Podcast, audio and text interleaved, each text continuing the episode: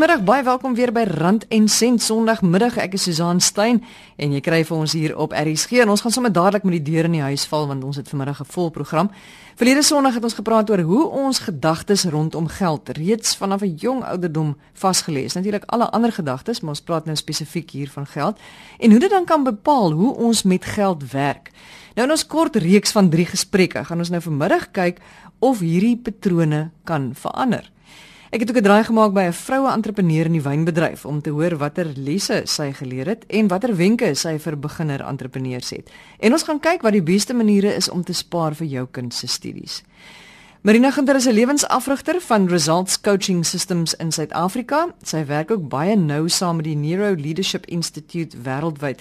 Marina is op die lyn. Marina, verlede week het jy vir ons so mooi verduidelik hoekom ons dink oor geld soos wat ons doen en hoe daai gedagtes en patrone al vanaf ons kinderjare vasgelê is in ons brein, byna soos voetpaadjies in 'n wat in 'n veld uitgetrap is. Nou vandag wil ek weet, kan 'n mens regtig, want jy het verlede week gesê ja, ons kan hierdie goed verander, ons kan hierdie idees en gedagtes en patrone verander, maar kan 'n mens regtig die manier waaroor ons oor geld dink verander sodat dit vir ons beter kan werk of dat ons beter met ons geld kan werk? Susan beslis want breinpatrone is 'n wonderlike kombinasie van emosies, al hierdie neurone wat met mekaar praat en dan uiteindelik die aksies wat ons neem. En wat baie interessant is is dat wanneer ons na die emosionele brein kyk en ek wil dit graag haak aan hoe ons dan geld spandeer want geld is ook emosioneel. En ek wil dit graag haak aan die hormoon oksitosin wat afgeskei word wat 'n mens vir jouself laat vertrou dat jy iets goed gaan doen. Navorsing bewys dat as jy byvoorbeeld in 'n kamer hierdie oksitosin in die lug sal spuit, dan gaan mense onmiddellik 'n beter gevoel hê en 'n meer verantwoordelike gevoel hê hoe om geld te spandeer en goed vir die goed van die saak te doen. 'n ander voorbeeld wat ek ook vir jou wil noem, wanneer mense hierdie kuponne kry waar jy dan nou byvoorbeeld R2 afslag kry op 'n produk. Dit is bewys dit maak mense gelukkig en omdat hulle dan hierdie gelukigheid het, dan is hulle meer in beheer van wat hulle doen en hulle kan hulle self makliker beheer. En dit klink nou alles asof ek sê ja, maar jy moet jouself beheer en ons weet dit gaan daaroor.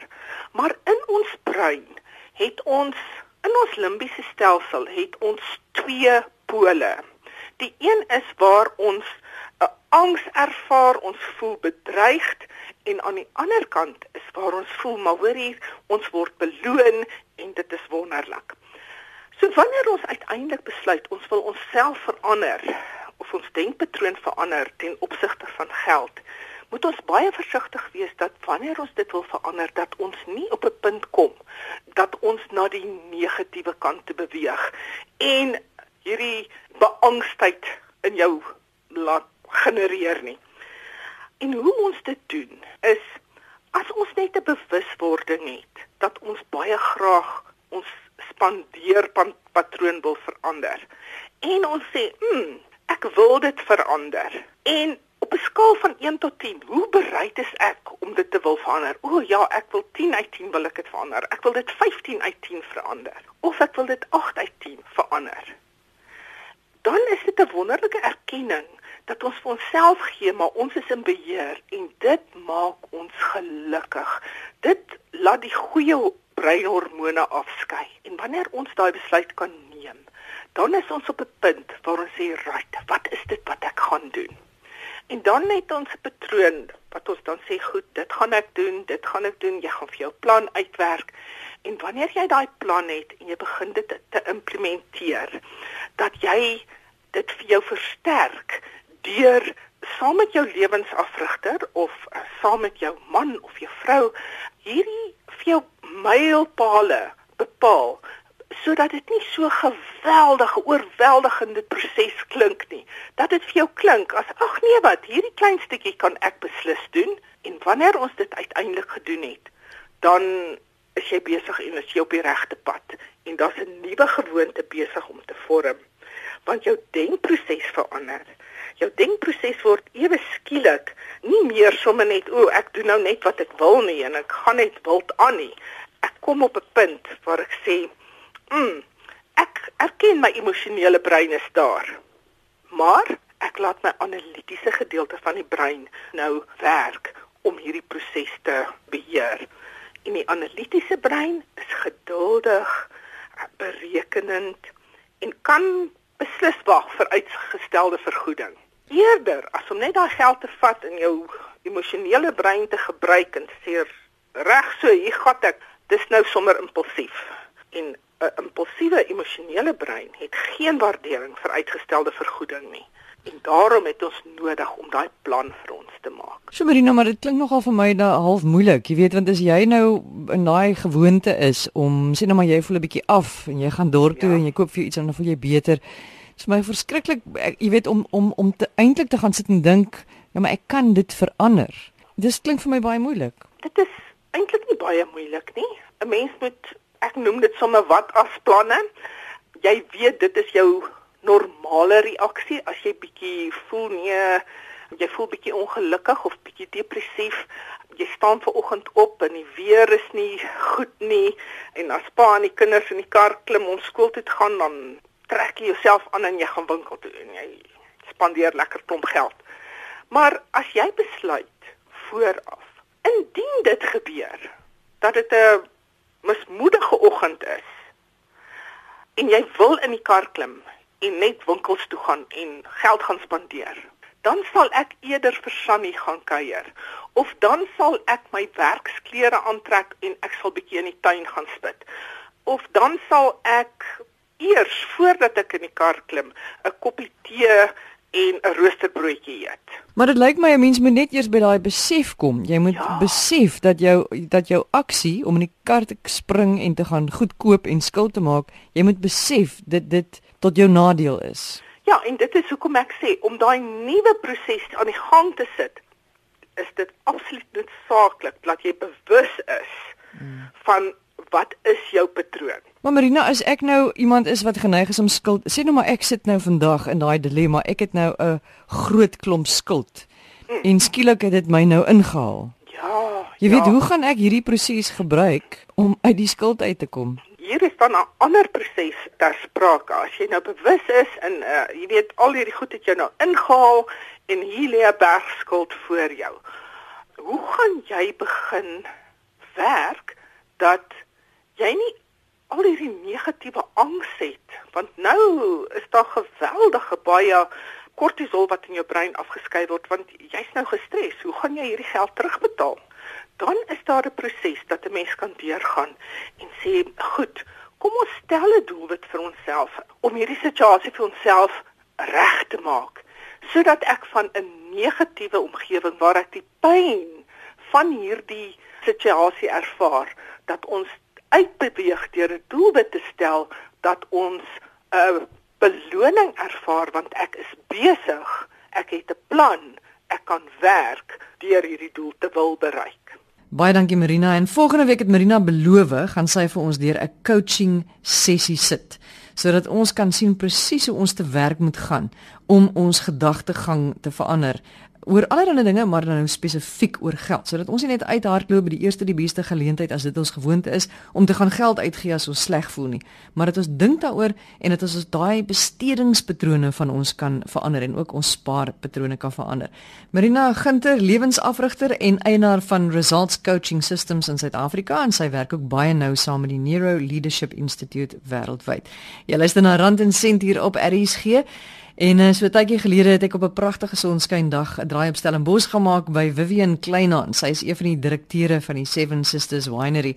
En ek wou by haar weet wat alles die uitdagings is vir 'n entrepreneur en ook watter lesse sy geleer het en watter wenke sy vir jong opkomende entrepreneurs het. Die uitdagings is maar basies jou markte. Jy weet watter markte jy kan opbou en jy weet waar jy jou wyn kan in verkoop en nie aan te hang en en om die omswaai te sien wanneer 'n ding moeilik raak en om die omswaai te maak. Want change is nie altyd maklik nie, maar om te kyk waar jou wyn goed doen en daarop te konsentreer en nou maar af te skaal met die anders. Anders gaan jy te wyd versprei wees. So Dit is 'n groot uitdaging want jy wil die geleentheid gebruik om na 'n land toe te gaan om 'n om 'n skou by te woon, maar ons moes besluit ons gaan nie daai skou bywoon nie want dit gaan nie vir ons voordeel wees nie. Die mark is miskien oorversadig of die mark gaan nie vir ons werk nie. So ons moet kyk na die mark wat vir ons gaan werk. Die voordeel vir ons is ons is 'n vroue maatskappy. En ons is sterk vroue. So ons gaan nie maklik tou op nie en dit help van daar is baie ander vroue wat dit graag ook wil doen, maar hulle is bang. So ons is ook vir hulle dalk 'n motivering en 'n inspirering om wel dit aan te vat. Vivian is baie positief oor hoe die res van die jaar vir die sewe susters gaan lyk. Ons het ons gebou wat klaar is. Ons kry mense van oral oor die wêreld wat kom om wynproe hierso te doen. Ons moet net ons bemarking reg doen of na die regte plekke toe gaan wat ek dink ons besig is om te doen. Ons gaan ons tweede oes het van ons eie drywe op ons plaas. So vir my is die die, die vooruitsigte is vir my baie goed en ons is besig om ons mark in Amerika te verstewig en te fokus. Al hierdie positiwiteit het nie sommer net van self gekom nie, want verlede jaar was 'n baie moeilike jaar in die bedryf. Vivian sê hulle moes baie hard werk. Ons moes re refocus, soos wat hulle sê. Ons moes vir ons was verlede jaar 'n moeilike jaar maar dit het vir tyd gegee om te rus en te kyk wat ons verkeerd doen en wat ons nou moet reg doen. En dan beteken dit jy moet nou 'n klomp kennis gaan inwin, mense kry wat weet van die bedryf en wat vir jou kan help om jou planne bymekaar te sit. Hoe gaan ons maak? Waar staan ons nou en wanneer toe is ons op pad? Anders as ons nie plan het, gaan ons faal. So ons ons het dit nou gedoen. As jy goed op papier het, voel dit beter om na te kyk as wat dit net in jou kop is. En ons het op die tafel gesit en 'n strategiese beplanning gedoen en dit help ons om nou gefokus te bly vir hierdie jaar. Uit die lesse wat hulle geleer het, gee Vivian 'n paar wenke en sy sê dit geld vir enige besigheid, nie net 'n besigheid in die wynbedryf nie. Jou plan moet geskryf wees, maar jou plan moet ook geskryf wees vir jou om te kan lees en uit te voer. As jy in die helfte van die jaar kom en jy kon nie uitvoering gee in jou plan nie, het jy nie jou plan geskryf nie, het iemand anders jou plan vir jou geskryf. So jy moet saam jou plan kan skryf. Dis nommer 1, ja, jy moet gefokus bly met jou plan waartoe jy wil gaan, wat jy wil vermag en dan moet jy uithou vermoë het. Die geld is nie altyd 'n faktor nie. Want as jy insit en jy weet wat jou in jou is, kan jy dinge doen sonder dit of met minder van dit. Dit gaan natuurlik 'n bietjie stadiger gaan, maar bly gefokus en werk volgens jou plan en werk hard. Want ons moet dubbel werk as wat ander mense werk. Dit lyk asof jy iets weet wat wat baie ander mense sal wil weet is hoe doen jy dit met minder geld of hoe kan jy sê die geld is nie so belangrik nie? Ek dink wat vir ons baie gehelp het eh, is ander mense met hulle resources. Dis wat vir ons help en en gee sonder om te verwag.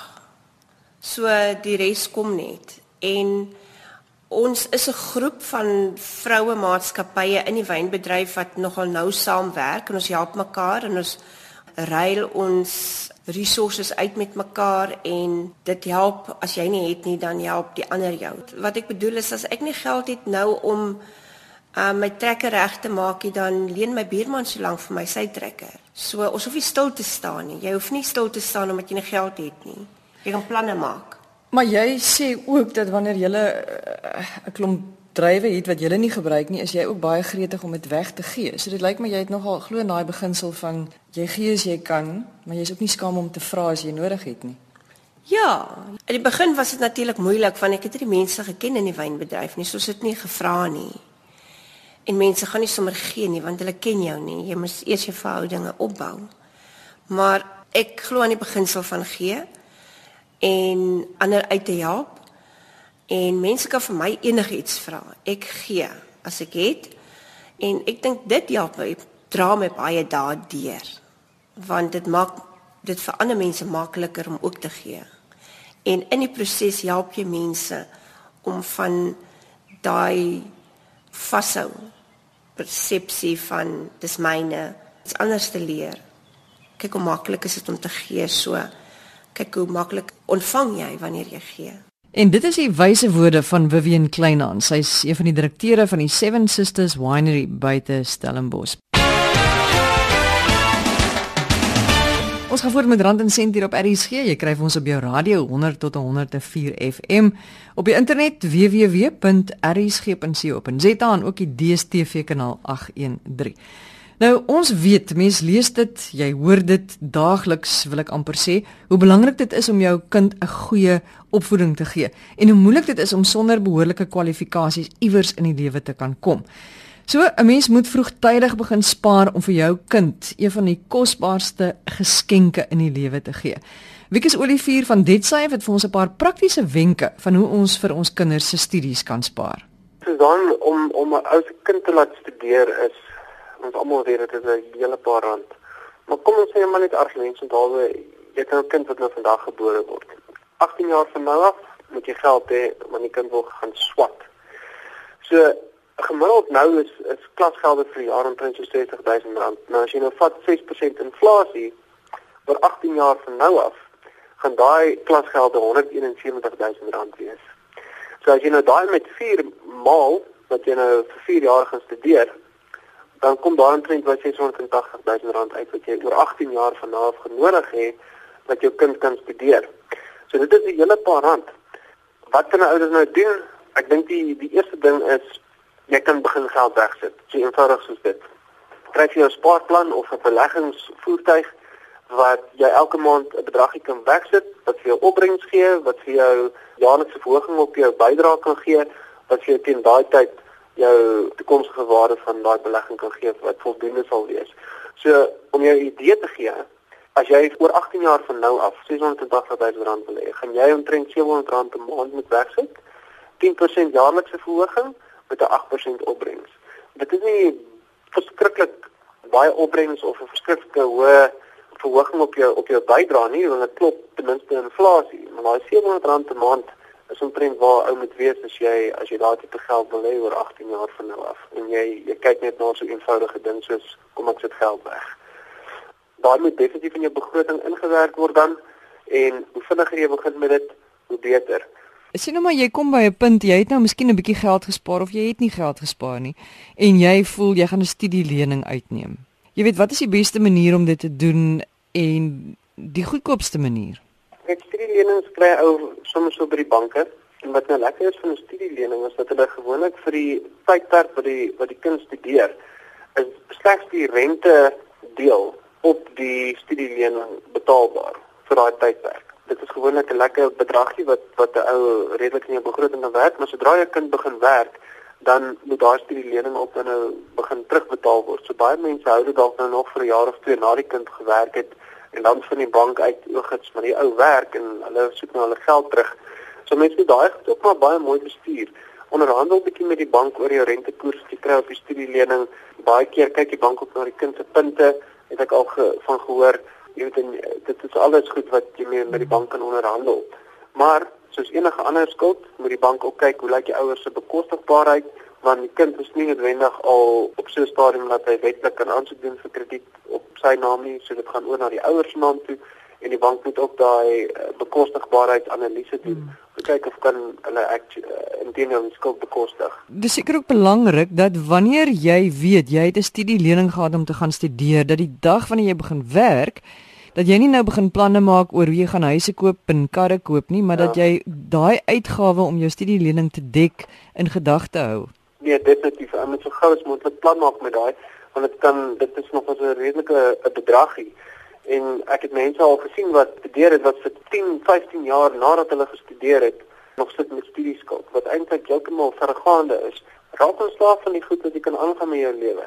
Want as jy as jy nou goed gekwalifiseer is en jy kry lekker werk, dan kan jy eintlik jou wat geld in 'n studielening instoot. Maar eh, gewoonlik mans is mos nou so as jy nou studeer het en jy kry nou 'n salarischeckie dan dan wil jy 'n kar koop en 'n ou verdien dit. Maar kyk maar waar lê jou prioriteite. So studielening is een ding. Dan kry jy ander goeder soos Fundisa wat wat 'n fonds is wat deur die regering begin is waar mense maandelikse bydrae kan maak waar jy ook jaarlikse bonusse en so uitkry om eendag nou vir jou vir jou kind uh, studies te kan betaal.